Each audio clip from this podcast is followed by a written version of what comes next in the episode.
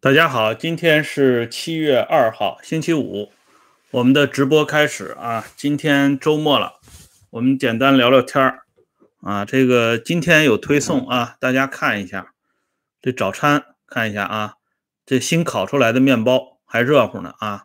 这个居家办公之后啊，这个人们的这个厨艺啊都有不同程度的提高啊，包括我本人。在内也一样，这种面包啊，烤制非常简易啊，就是稍微有点手艺的都可以做到。大家看一下里边啊，上边呢是芝麻，里边还可以啊，看一下，烤出来的非常松软啊。这早餐呢，吃个面包还可以。这个虽然呢，很多健身人士啊，刻意回避这些碳水。但是偶尔吃一下应该问题不大啊，这普通人的胃呢没那么娇气啊。好了，咱们今天呢言归正传啊，说一下今天要聊的这个话题啊，这个这有的朋友挺专业啊，水分比例都问出来了，问的很好。不过今天咱们这不是美食节目啊，所以我们就不探讨这些话题了啊。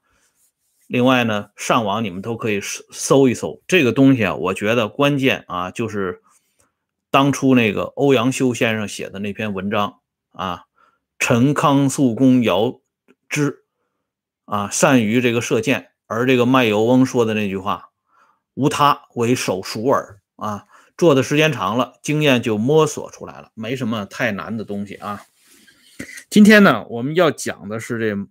毛泽东的三个非常雷人的这个语录啊，昨天这节目啊播出以后，有很多朋友啊上边这个呃提了很多看法，我都很高兴。包括咱们的大先生啊，他留的这个非常隽永的这个回复啊，让我反复读了好几遍。我并且呢把它截了图发在咱们的电报群里。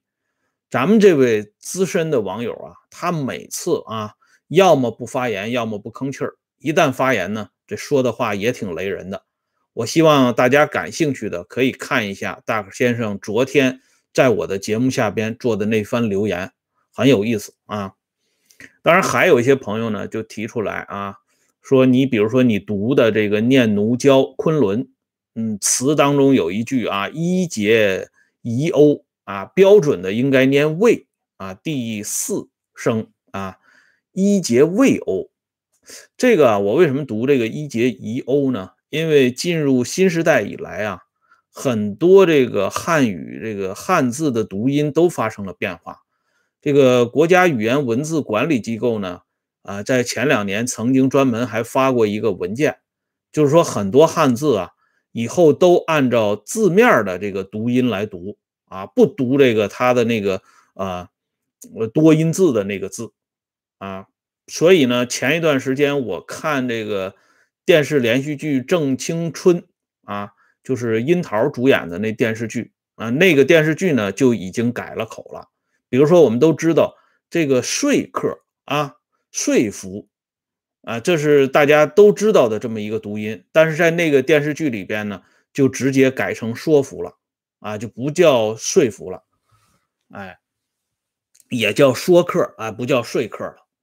那么，按照这个概念呢，百度现在自己呢已经把毛泽东诗词这个《念奴娇·昆仑》这段啊汉语拼音的这个啊都给改成一节一欧了啊，所以呢，我也就凑个热闹啊，大家知道这是念“魏”字就行了。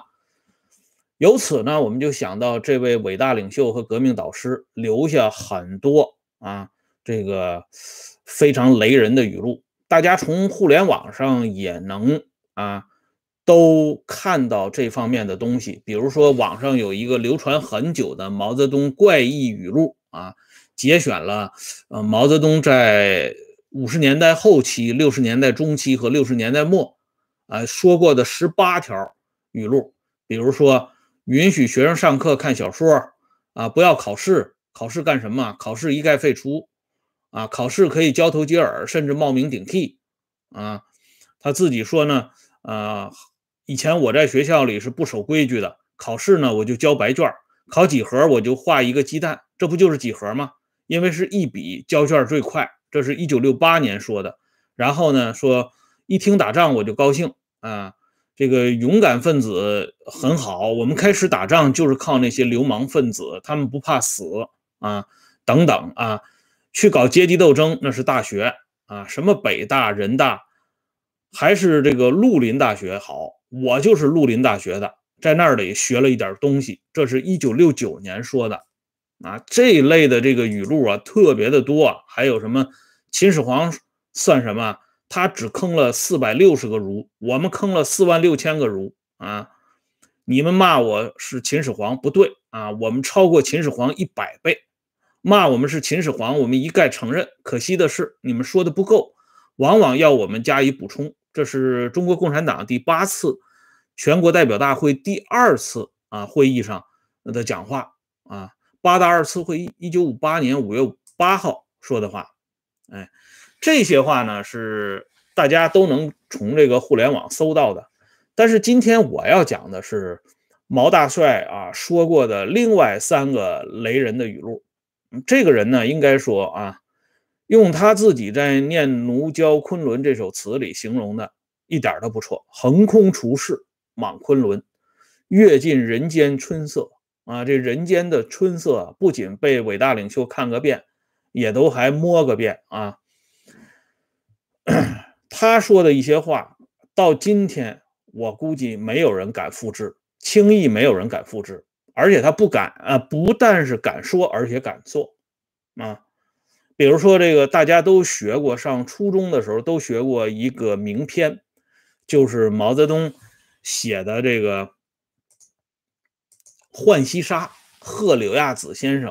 这个这首词呢很有名。刚才啊，我们有一位姓马的朋友啊，这网友在直播间里说这个武则天造字啊，大家都知道日月当空那个照，五照。但是这个字啊，啊，我插一句话啊，正好就是说到这个事儿，这个字啊，我觉得这个字很有意思。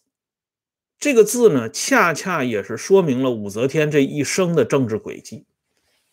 他先为月，后为日，啊，日月当空，合为照。啊，这个月呢，指的是武则天先做皇后，啊，洪秀全同志呢。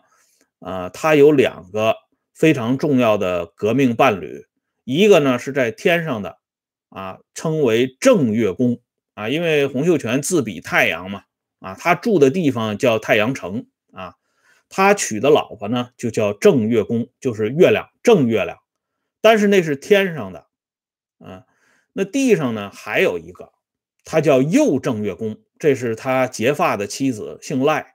啊，给他生了唯一的一个儿子，就是后来的右天王洪天贵福。所以武则天做月亮就是做皇后。后来呢，皇后做腻了啊，改当皇帝了，那当然也就是啊日了，就是太阳。可是呢，前半生啊，忽而为月，忽而为日。可是后后来的结果呢，是一个字空。最后呢，老太太八十多岁了，被这个政变呢给搞垮台了。得到的呢，就是一场空，哎，所以他造的这个字啊，武曌，很好的说明了武则天的这一生。那伟大领袖当初写的这首词呢，其实呢，也很好的概括了中国的历史现实，或者是未来，哪怕可能是啊全球的未来也未可知啊。就是说刚才说的这个《浣溪沙·贺柳亚子先生》，大家应该都能记得。长夜难明赤县天，百年魔怪舞翩跹，人民武艺不团圆。这种词真的只能出自于伟大领袖之口。当年毛泽东自己就说过，他说：“我说的话我能说，但你们就不能说。”啊，他这是跟这个老许、许世友他们这些人讲的话。哎，比如说他说的一个话，他说：“有的人在外面贴大字报，喊这个。”拥护共产党，打倒毛泽东，啊，你抓他干什么呢？他至少还拥护共产共产党嘛。这个话呢，还真就只有毛泽东自己能说。你别人照本宣科说一句试一试，肯定就完蛋了啊。同样呢，嗯，毛写的这首词啊，什么长夜难明赤县天，百年魔怪五偏仙，你这要是在昨天的这个日子里啊，日子口上，你把这一句话写到这互联网上，你试一试，最起码是要封你的号啊。但是毛大帅呢，写这词就没事儿啊，中学课本还都得学，而且人家说的也是实话呀，确实是啊。那么接下来呢，我给大家介绍一个毛泽东说的一个非常有名的这个语录，就是这国家呢在进入到啊探讨这个社会主义啊建设啊应该朝哪个方向走。当时呢就是探讨这个司法工作第四届全国司法工作会议。呃，时间呢是在一九五八年八月份夏天啊，当时毛泽东在北戴河这会场就公开讲了这么一番话，我给大家念一下啊。他说呀，不能靠法律治多数人啊，民法、刑法有多条啊，谁还能记得住啊？宪法是我参加制定的，我也记不得。我们基本不靠那些，我们就靠决议，我们每次。决议都是法，开一个会也就是一个法。按照他的这个讲话呢，《人民日报》专门啊发过一个社论啊，毛泽东说的这个话呢，概括总结结论就是要人治，不要法治。这个话还真只有毛泽东敢敢说。啊，当然敢做的就不只是毛一个人了啊，很多人都敢做，但是人家是敢说敢做。今天谁敢站在这里说啊？只要人治不要法治，估计没有人敢说，怎么也要遮一下啊，就是我们还是法治社会嘛啊，等等等等。但其实呢，啊，这个事情呢早就发生变化了。比如说这个，呃，二零一二年全国人大常委会。通过的刑事诉讼法修改草案七十三条和第八十三条，就是公安机关可以对他们认定的危害国家安全啊以及相关的这些犯罪活动的犯罪嫌疑人予以秘密拘捕，无需通知其家属。啊，这个决议呢是当时是以两千六百三十九票通过。啊，有一百六十票反对和五十七票弃权，没有用，还是通过了。那这个是人治还是法治呢？咱们可以私下里探讨一下啊。这个伟大领袖说的这个第一段雷人的话就在这儿。那他后边还有雷人的话啊，比如说呢，他还说过这样的话啊。这个话呢，我估计今天也没有人敢说了啊。讨讨论了司法之后呢？毛泽东还讨论一个问题，就是说，啊，在治理整顿干部方面要做到哪些方啊，哪些内容？这样呢，这个毛泽东后来呢也有一个非常重要的论证，这还是在这个建立这个政权之初啊，毛泽东讲过这样的话，他说呢，他是这么说的。他说：“治国就是治吏，吏治嘛，啊，就是不仅仅是官员，就是那些特别小的基层干部，他叫吏啊。礼义廉耻，国之四维，四维不正，国将不立。如果臣下都寡廉鲜耻、贪污无度、胡作非为，而国家还没有办法治他们，那么天下一定大乱。”老百姓一定要当李自成啊！这个话你看，今天也没有人敢说了。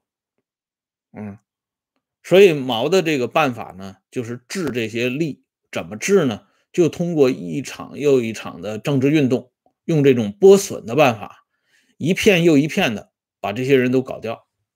哎，这是第二段，还有一段这个雷人的话呢，那个大家也应该知道啊。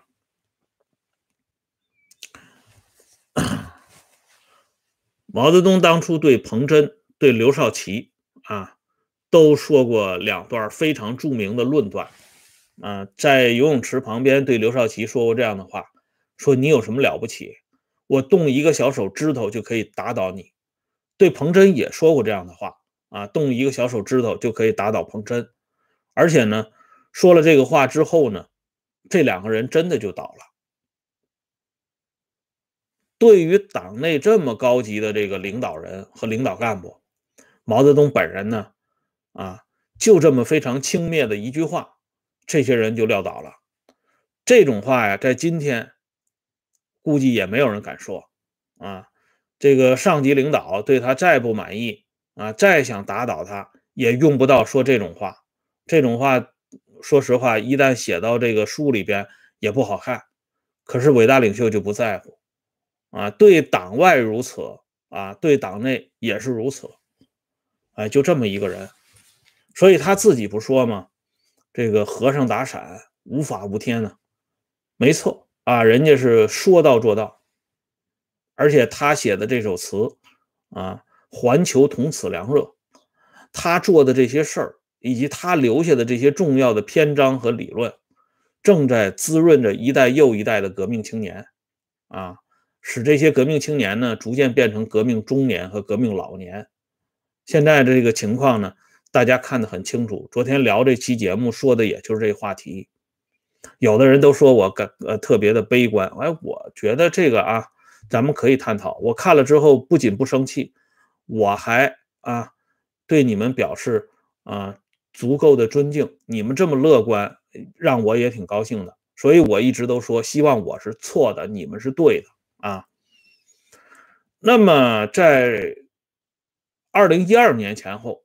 有一位学子学者叫郭道辉，这老先生呢是大声疾呼过，他说呀，千万不能让文化大革命的这个元素啊，啊复活，专门写了一篇文章，是发表在《炎黄春秋》上边，啊，我给大家看一下，他这是二零一二年第六期《炎黄春秋》上边这篇文章。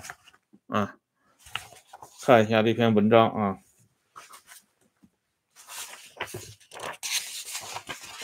哎，就是这个“警惕文革元素的复活”这么一篇文章。在这篇文章里边呢，这个作者郭先生呢，他就举了一个例子。哎，他这个例子是怎么说的呢？他是援引二零一一年十一月二十五号的《重庆晨报》。的报道，他说，从二零零八年六月份这个唱红歌开始，重庆市一共举行了具有一定规模的红歌传唱活动二十三点五八万次啊，参与的市民呢达到二点八七亿人次，总共花掉了人民币几千亿。其中，二零一一年六月二十九号在重庆市奥体中心。十万人唱红歌，一场就花掉了一个多亿。哎，所以他因为二零一二年嘛，他写这文章的时候，重庆的事儿呢已经告一段落了，所以他才敢写这个事儿。他用这件事儿呢来警惕大家，说这个不行啊，这么搞搞下去的话，有些东西就啊又出来了。但实际上呢，我们现在想想啊，这唱红歌这个事儿已经是蔚然成风了。啊，谁不唱谁才是怪物呢？啊，那实际上呢，这个情况早就出现了。我们都知道，这个二零零九年那个建国一甲子的那个大游行当中，就出现过毛泽东的方阵，对吧？大家都能记得。而后来呢，这个郭道辉先生说，《重庆日报》曾经做过报道，这个二零零九年四月二十八号。重庆市的主要领导同志啊，亲手创作并上传了一条红色短信。结果这条短信呢，在这一年的六月初已经被转发了一千六百多万次。这是华龙网二零零九年六月三号的报道。哎，所以这一点呢，咱们回过头来看，现在这种红色短信呢，类似的方面，这就不用说了啊，大把。大把的存在啊，而且现在看了一下，大家可以看一下，昨天这个搞大庆活动的时候，连国外一些重要的媒体都发出贺这个贺信和贺电，用各种各样的方式来庆祝这百年大庆啊。有的西方国家的媒体那简直啊，就比咱们有些红色媒体还要红。这你一看，这不是全球同此凉热吗？而且这个担心的这个郭道辉先生呢，现在已经无影无踪了。啊，这个人呢，据说是被扣上历史虚无主义的帽子，这已经是不允许公开出现了。所以现在我们看到啊，这英特纳雄奈尔呢。正一步一步的向我们走来，这实现的这个范围呢，已经越来越宽泛，这才是现实。所以昨天有一段话呢，我本来啊想说，后来没说，时间来不及了。今天呢，在这里就说一段。其实啊，这个世界啊，这个整体的对决是取决于两个少数，就是绝对没有底线的啊，绝对寡廉鲜耻的，丧心病狂的。这是少数，那么绝对有勇气的，绝对有担当的，绝对有良心的，也是敢说敢做的啊，不顾这个身家性命的，这也是少数。多数人呢，都是这个啊，呃，盲从啊，跟着跑，没有一些决断性，所以最终呢，这个世界好与坏的对决啊，就是。两个少数派的对决，那些敢作敢为的、绝对有良知的人，和那些敢作敢为的、绝对没有良知的这这派人，他们这两股力量的对决，如果赢了呢，就是美国梦；输了呢，就是中国梦。基本上就是这个概念。但是有的人又讲呢，中国梦和美国梦是相通的。这样的话呢，我们就看到了两个字：勾兑。就说后将来啊，要么这个玉石俱焚，要么就是勾兑。勾兑其实也是玉石俱焚，就都学坏了嘛。哎，我的这个观点呢，基本如此啊，欢迎批评。好了，今天的话题呢，咱们就说到这里啊，感谢朋友们上来收看。有时间的话，一会儿我们再聊一期；没时间，我们就明天接着聊。欢迎大家关注温相说时政会员频道啊，周一到周五每天都有更新，再见。